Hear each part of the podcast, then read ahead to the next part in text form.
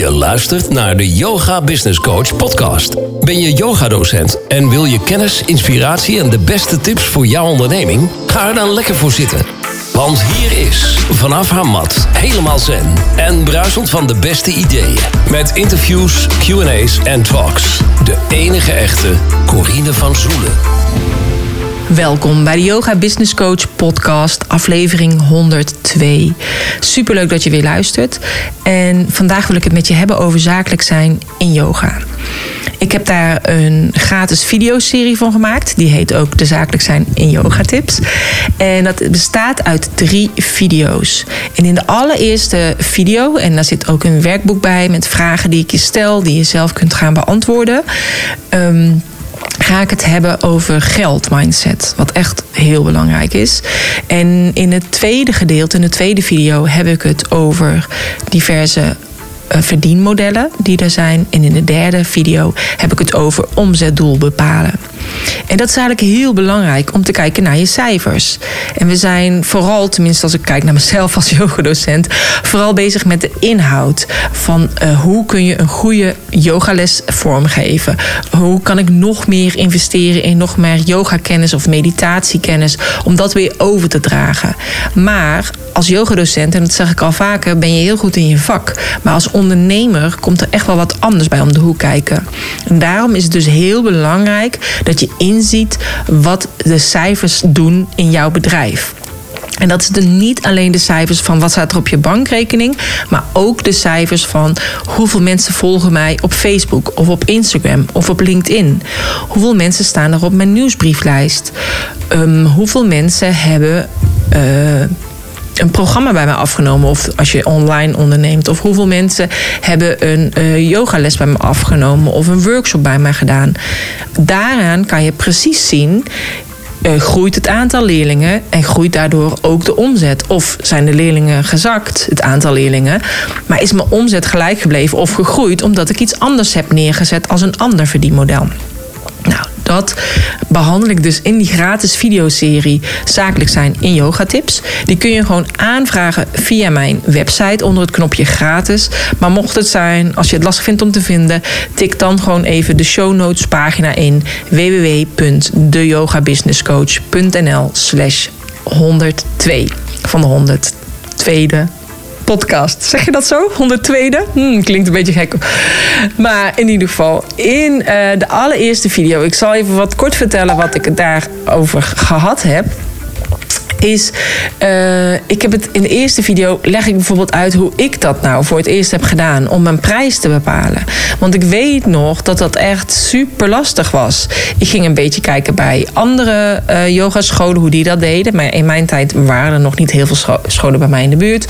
Maar dat ging ik kijken. Maar ik ging bijvoorbeeld ook kijken bij de musicalschool van mijn dochter hoe die dat deed.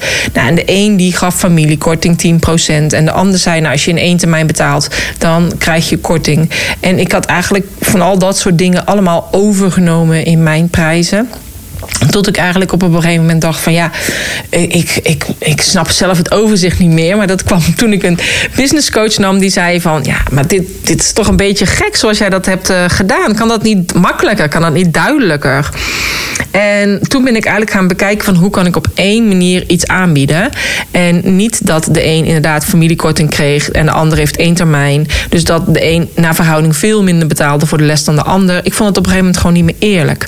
Dus dat is eigenlijk een van de redenen geweest waarom ik alles op de schop ben gaan gooien. Dat eigenlijk alle kortingen vervielen. Dus, en dat iedereen gewoon hetzelfde bedrag betaalde. En eigenlijk had ik verwacht dat daar weerstand op zou komen. Dat, dat was eigenlijk niet. Iedereen vond het eigenlijk heel logisch. En ik had wel één iemand die had daar wel een soort van commentaar op. Zeg maar, tussen haakjes doe ik nu met mijn vingers. Maar die zei van ja, weet je, je hebt nu de uh, de prijs verhoogd. En dat was niet zo, want ik had de prijs niet verhoogd. Ik had alleen de korting die ze kreeg doordat zij in één termijn dat uh, zou betalen, die had ik eraf gehaald. Dus zij heeft gewoon eigenlijk al die jaren die korting gehad. Uh, zij zei, ja, hier ga je echt nog wel spijt van krijgen... want heel veel mensen zullen dan weggaan en dit en dat. Nou, dat is gewoon allemaal niet gebeurd. Het belangrijkste daarin is, en dat is eigenlijk de les die ik je ook mee wil geven... als je iets besluit om te veranderen in je lesvoering... maar ook dus in, in je in, je, ja, in de lesvoering, maar ook in de prijzen en hoe jij je bedrijf wil runnen. Want jij bent de leider van jouw bedrijf. Dus jij bepaalt. Het is goed om bij verschillende te kijken, om adviezen te vragen van anderen. Maar uiteindelijk kies je wat bij jou past in jouw situatie. En juist nu, nu natuurlijk allemaal dingen weer gaande zijn. En wat je allemaal weer kunt veranderen. Uh, binnenlessen, buitenlessen. Minder mensen in je studio dan anders. Dus hoe ga je dat dan vormgeven? Ga je je prijzen verhogen of juist niet? Want ja, je bent ook blij dat die mensen weer terugkomen. Ga je dan toch nog buitenles geven zolang het nog kan? Of uh, doe je dat juist niet omdat je geen ruimte hebt om buitenles te gaan geven? Uh, of zit je midden in Amsterdam en zeg je nou het hele park zit sowieso al vol? Dus uh, het is altijd afhankelijk van jou, jouw lessen, waar je naartoe zou kunnen. Dus kijk wat bij jou past. Dus ook daarin neem je dat eigenlijk altijd uh, mee en blijf je heel dicht bij jezelf. Want iemand anders kan wel zeggen: ja, je moet die prijzen verhogen of verdubbelen of weet ik veel wat. Maar dat is niet reëel. En als jij daar ook niet achter staat, achter dat besluit, dan gaan mensen jou ook daarmee omver blazen. En dat wil je ook niet, want je bent hartstikke blij dat ze gewoon nog bij je zijn en dat ze jou hebben gesteund in deze periode. Dus ook daarin ga je kijken wat is de prijs die nu bij mij uh, past. En als je je dus daar zeker voor voelt en je hebt dus een leerling die daarin weerstand geeft, maar doordat je je zeker voelt, kan die jou niet omblazen. Snap je? Dus je moet voor jezelf dat heel helder hebben. En ook heel stevig staan achter jouw besluit. Um, want alleen dan kan je het dus goed brengen. En daarbij is een goede mindset echt cruciaal. Dus daar hamer ik ook altijd op. Dus in mijn trainingen zit ook echt dat mindset stuk. Ik heb daar ook een los programma van, Receiving the Day, over het mindset stuk, omdat dat juist zo belangrijk is. Um, toen ik dat dus helemaal naar buiten had gecommuniceerd en daarna was het eigenlijk allemaal goed. En alle nieuwe leerlingen die kwamen, die wisten niet beter dan dat het op deze manier ging. Dus dat is het ook zo. Als je een bepaald besluit maakt, maak het dan op basis van jouw toekomstige leerling. En niet van je huidige leerling. De huidige leerling blijft toch bij jou, omdat ze het gewoon prettig vinden bij jou. En mocht het zijn als ze weggaan, komen daar weer nieuwe voor in de plaats. En die weten ook niet hoe het eerst was. En ik zeg zelf altijd, maar ja, dat is misschien ook een aanname van mij. Ik vind het zelf makkelijker om prijzen te verhogen als ik nog niet weet wie mijn toekomstige klant is of wordt. Want dan heb ik daar nog geen binding mee.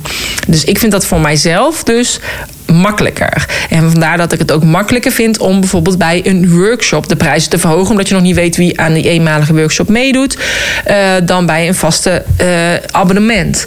En dat is met online precies zo. Bij een online programma kan je veel makkelijker verhogen in prijs, omdat je gewoon nog niet weet wie, wie het gaat kopen.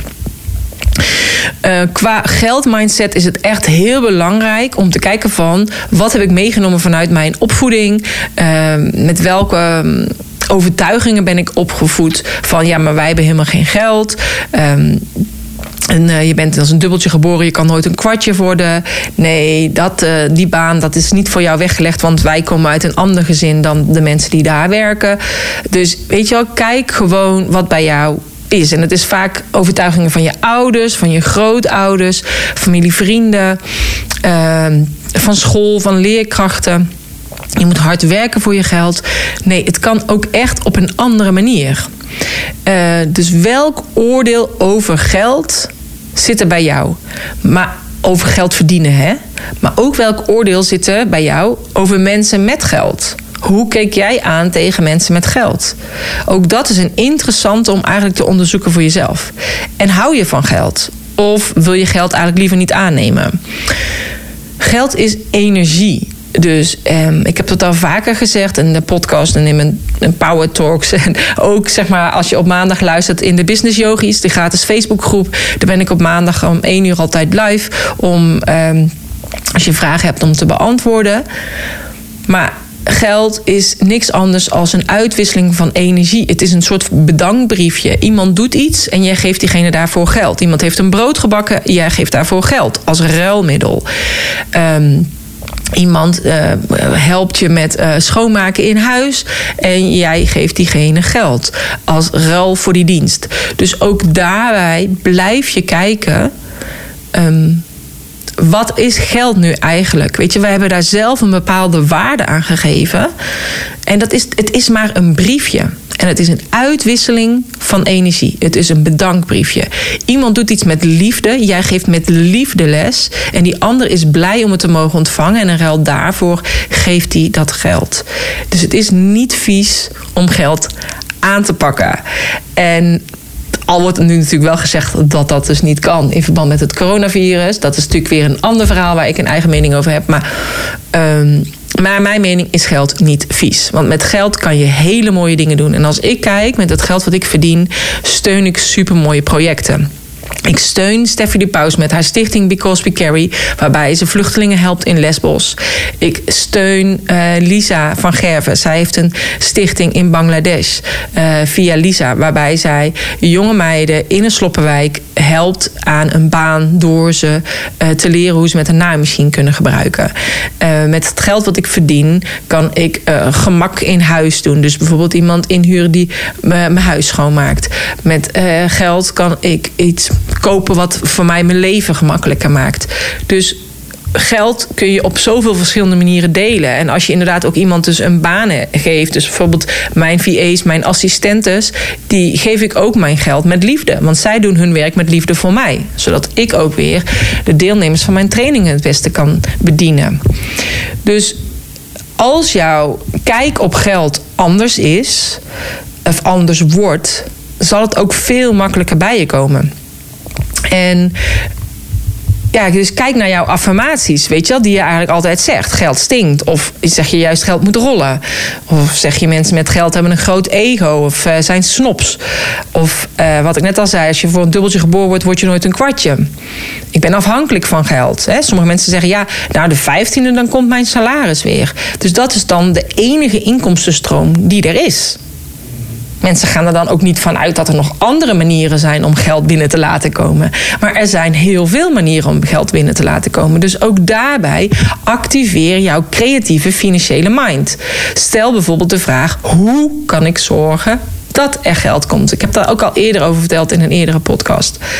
Dus laat het stromen en laat daardoor de ideeën stromen, waardoor er ook geld op een andere manier bij jou kan komen. En niet alleen door het salaris. Of niet alleen door de incasso's van uh, abonnementsgeld. Of niet alleen teruggave van de Belastingdienst.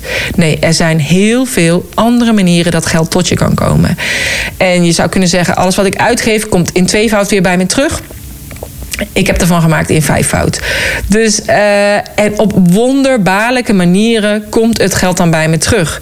En heus niet altijd vanuit mijn bedrijf. Maar ook op andere manieren. En dat is juist zo bijzonder. En dat is ook echt iets waar je in moet gaan vertrouwen. Om dat ook te zien dat het er ook echt is. Dus de verandering van geldmindset is echt heel belangrijk. Um, je kunt dus bijvoorbeeld bepaalde affirmaties ombuigen. Dus ook in mijn programma van Receiving the Day. Uh, dat is een heel klein programma wat ik aanbied. Daar heb ik het ook over die affirmaties. Maar bijvoorbeeld enkele affirmaties kunnen zijn. Um, ik ben een geldmagneet. Ik omarm geld en geld omarmt mij. Geld is een ruilmiddel. Uh, met geld maak ik mijn leven en van anderen aangenamer. Ik ben het waard om te mogen ontvangen. Dus kijk wat bij jou past qua affirmatie. Het universum zorgt goed voor mij. Dat is ook zo'n hele mooie. En er is ook een hindoe-god. Daarin vertel ik ook eigenlijk in de allereerste video van uh, zakelijk zijn in yoga. En dat is Lakshmi. En dat is de hindoe-god van geld. Dus um, mocht het zijn dat je bijvoorbeeld zorgen maakt om welvaart, geldzaken... of je hebt een geldblokkade... dan is het echt heel goed om naar de mantra te luisteren... of om eventueel mee te chanten met het mantra van Lakshmi. En ook op YouTube heb je bijvoorbeeld bepaalde video's... dat je geld hoort rinkelen, je hoort muntjes vallen. Dat schijnt dus ook heel goed te zijn. Dat je bijvoorbeeld gaat slapen met het rinkelen van de muntjes op de achtergrond. Dus kijk eigenlijk, maak voor jezelf bijvoorbeeld ook een lijstje. Wat zou jij kunnen doen met geld? Wat voor gemak zou je jezelf kunnen geven? Of wat voor opleiding kan je jezelf geven? Want als jij weer geld ontvangt, kan jij het weer investeren in jezelf en in jouw bedrijf. Zodat je alleen maar in ontwikkeling blijft. En dat is eigenlijk super belangrijk. Nou, mocht het zijn dat je meer wil weten over die zakelijk zijn en yoga. Uh, je kunt ze dus vinden gewoon op mijn website www.yogabusinesscoach.nl en dan onder het knopje gratis. Onder dat uitklapmenu. Maar je kunt dus ook even uh, kijken anders op mijn show notes pagina www.deyogabusinesscoach.nl slash 102 van deze podcast. En dan verwijs ik ook even naar, direct naar de aanmeldlink daarvan. Ik wens je een hele fijne dag verder en dankjewel voor het luisteren en graag tot een volgende keer. Namaste.